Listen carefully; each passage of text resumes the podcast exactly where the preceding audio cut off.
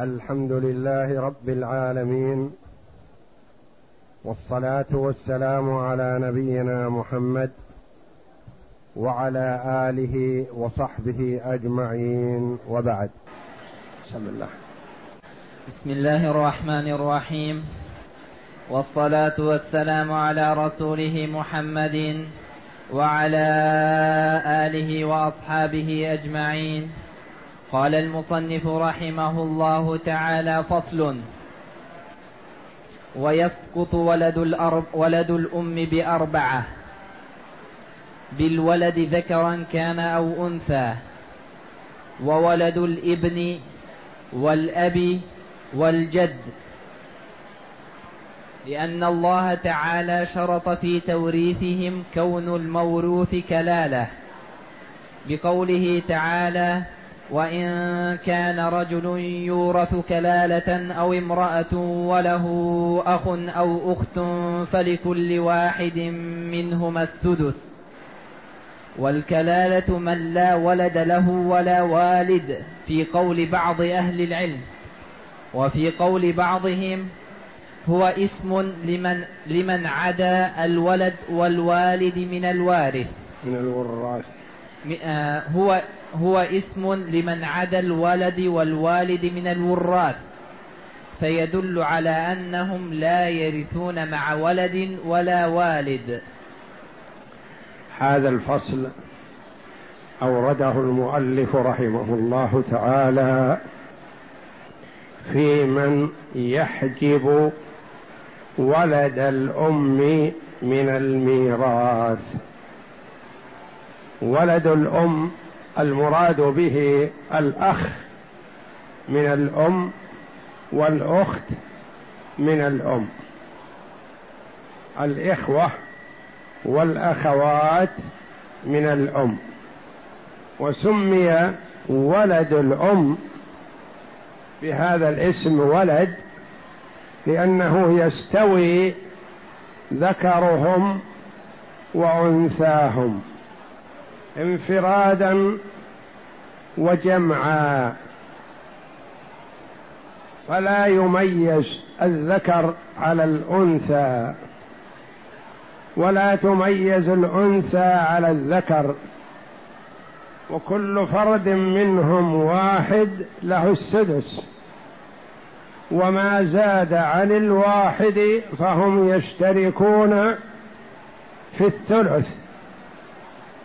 سوى ذكرهم وانثاهم فلذا عبر الفقهاء عنهم بولد الأم. من الذي يسقطه من الميراث؟ عرفنا فيما تقدم أن الجدات يسقطن بالأم وأن الجد من قبل الأب يسقط بالأب وأن ابن الابن يسقط بالابن وكل ابن ابن أقرب يسقط ابن الابن الأبعد وهكذا. وأن الإخوة الأشقاء والأخوات يسقطون بالأب. في هذا الفصل من يسقط ولد الأم يعني يحجبه من الميراث. يسقط ولد الأم أربعة الولد. قال هنا الولد ولم يقل الإبن ولم يقل البنت لأنه يشمل الإبن والبنت.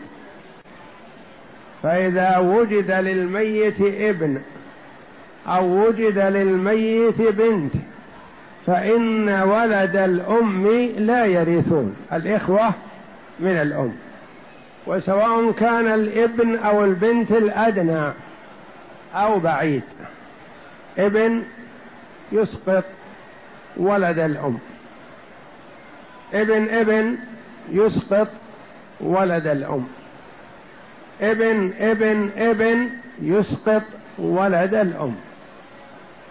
ابن ابن ابن ابن ابن يسقط ولد الأم. وكذلك البنت بنت المتوفى تسقط ولد الأم. بنت ابنه تسقط ولد الأم. بنت ابن ابنه تسقط ولد الأم. وهكذا. بشرط أن تكون بنت ابن. لا بنت بنت. هذا الولد الذي يسقط ولد الأم سواء كان ابنا للميت أو بنتا للميت أو ابنا لابنه أو بنتا لابنه وإن نزل. ولذا قال بأربعة بالولد. ذكرا كان أو أنثى والمراد بالأنثى الوارثة. قد يكون للميت بنت لكن غير وارثة بنت بنت بنت للميت لكنها غير وارثة ولا تسقط الإخوة لأم. بنت ابن بنت كذلك. إذا كان في السلسلة بنت غير هذه المعنية فإنها لا ترث حينئذ. وكذلك بنت بنت ابن بنت للميت لكنها غير وارثة فلا تسقط. بالولد وولد الإبن هذا الثاني. الأربعة الولد وولد الإبن. والثالث والثالث الأب والرابع الجد. يعني البنت الابن ذكرا كان أو أنثى. ابن الابن أو بنت الابن كذلك. الأب الجد. ولد الابن ذكرا كان أو أنثى. بشرط أن ينتسب إليه بالذكورية فيقال بنت ابن. بنت ابن ابن بنت ابن ابن ابن. وهكذا لا يتخللها أنثى فإن تخللها أنثى منعت من الميراث هي. الثالث ممن يحجب ولد الأم الأب. إذا وجد الأب منع الإخوة من الأم كما أنه يمنع الإخوة من الأبوين. أو من الأب. والرابع الجد. يسقط كذلك ولد الأم. بخلاف ولد الأبوين وولد الأب فهذا محل خلاف بين العلماء رحمهم الله. هل يسقطهم الجد أو يشاركهم ويشاركونه هذا يدرس في باب الجد والإخوة. أما الإخوة لأم فهذا لا خلاف في أنه يسقطهم. ما الدليل على ذلك؟ استدل رحمه الله. قال لأن الله جل وعلا شرط في توريثهم كون المورث كلالة. المورث هذه عند بعض العلماء وعند بعضهم الورثة كلاله كما سيأتي. بقوله تعالى وإن كان رجل يورث كلالة أو امرأة امرأة بالرفع عطف على رجل وليست على كلالة. وإن كان رجل يورث كلالة أو امرأة وله أخ أو أخت فلكل واحد منهما يعني من الأخ والأخت السدس. وين الدليل؟ قوله جل وعلا كلالة. يعني معناه إن كان يورث غير كلالة فلا ميراث للولد هؤلاء الإخوة لأم. وإن كان رجل يورث كلالة فيشترط في توريثهم أن يكون الوارث أو المورث كلالة. كيف قلنا الوارث أو المورث؟ لأن تفسير الكلالة عند العلماء رحمهم الله على معنيين. الكلالة قالوا الورثة إذا لم يكن فيهم ولد ولا والد. والكلالة المورث المورث إذا لم يكن له ولد ولا والد. والمعنى حول بعضه ما يختلف كثيرا. والكلالة من لا ولد له ولا والد. يعني يقال للميت هذا كلالة إذا لم يكن له ولد ولا والد. يعني ولده لا ولد له ووالده مات قبله. والكلالة من لا ولد له ولا والد في قول بعض أهل العلم. وفي قول بعضهم هو اسم لمن عدا الوالد والولد من الوراث. والقول الآخر أن الكلالة اسم للورثة إذا لم يكن فيهم ولد ولا والد. اسم للمورث إذا لم يكن له ولد ووالد ولا والد. أو اسم للورثة إذا لم يكن من ضمن الورثة ولد ولا والد. فيدل على أنهم من هم؟ الإخوة لأم. لا يرثون مع ولد ولا والد.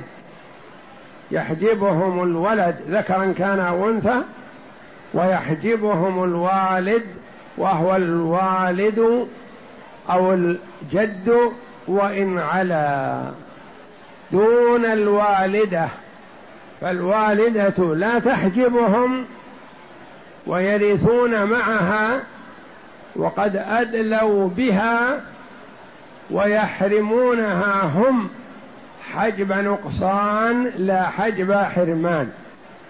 هم ينقصون ميراثها لأنه إذا كان واحد أخ لأم ما يؤثر عليها وإذا وجد أخوان أو أخ لأم وأخ لأب أو أخ لأم وأخ شقيق اثنان فأكثر حجبوها من الثلث إلى السدس.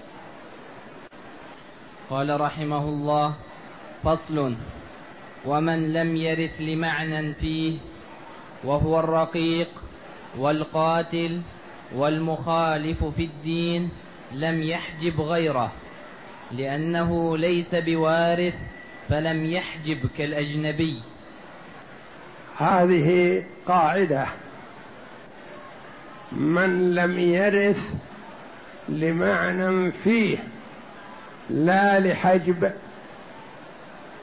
فرق بين من لا يرث محجوب أو من لا يرث ممنوع من الميراث.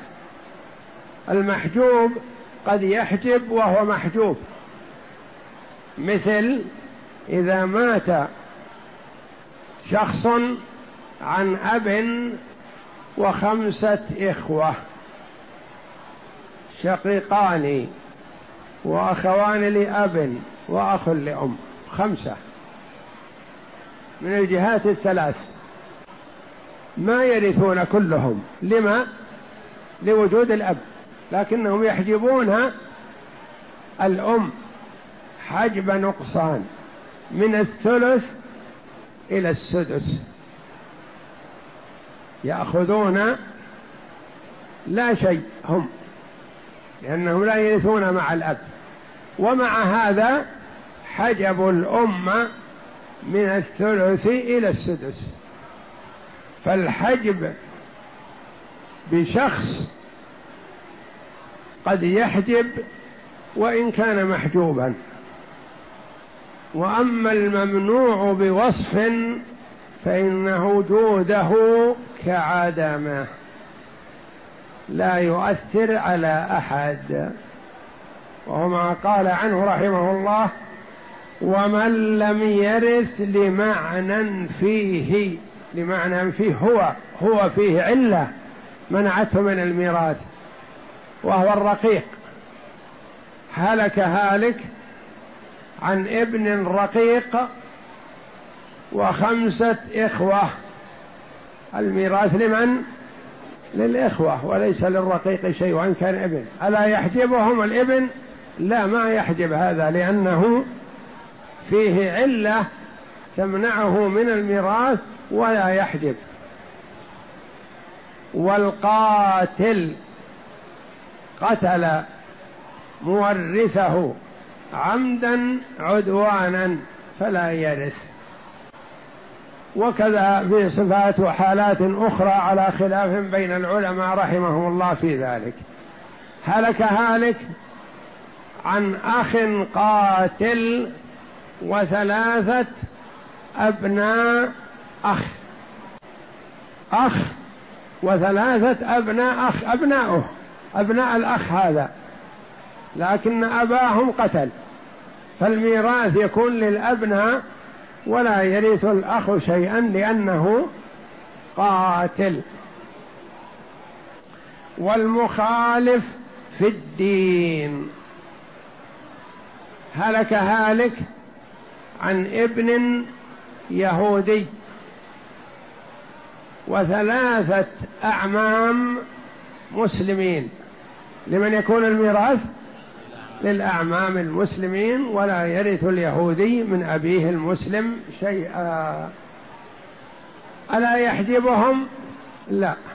وجوده كعدمه. فمن كان به صفة تمنعه من الميراث كالرق والقتل واختلاف الدين فوجوده كعدمه. نعم. والمخالف دين لم يحجب غيره. فصل. ومن لم يحجب ومن لم يرث لمعنى فيه وهو الرقيق والقاتل والمخالف في الدين لم يحجب غيره لأنه ليس بوارث فلم يحجب كالأجنبي. مثل الأجنبي يعني ما يؤثر وجوده كعدمه إقسم هلك هالك عن بنت وأخ لأم. ما يوجد غير هذين اطلاقا. للبنت النصف المسألة من اثنين. للبنت النصف ولها الباقي ردا. لها واحد فرضا ولها الباقي ردا. هلك هالك عن بنت ابن وأخ لأم هو ابن عم. أخ لأم هو ابن عم. المسألة من اثنين. لبنت الابن النصف واحد وله بكونه ابن عم الباقي تعصيبا. كيف وردتموه وأخ لأم؟ ما ورث بكونه أخ لأم وإنما ورث بكونه ابن عم. هلك هالك عن جد وجدة وثلاثة إخوة لأم. المسألة من ستة. للجدة السدس واحد. والباقي للجد. له فرض في هذه المسألة؟ لا. لا ليس له فرض. وإنما الباقي له. والإخوة لأم لا يرثون مع الجد.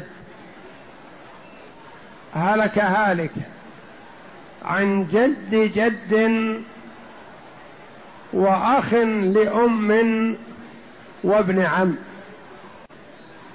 المال للجد وحده وإن كان جد جد. وليس للأخ لأم ولا لابن العم شيئا. هلك هالك عن ابن ابن ابن ابن بنت. وأخ لأم هو ابن عم.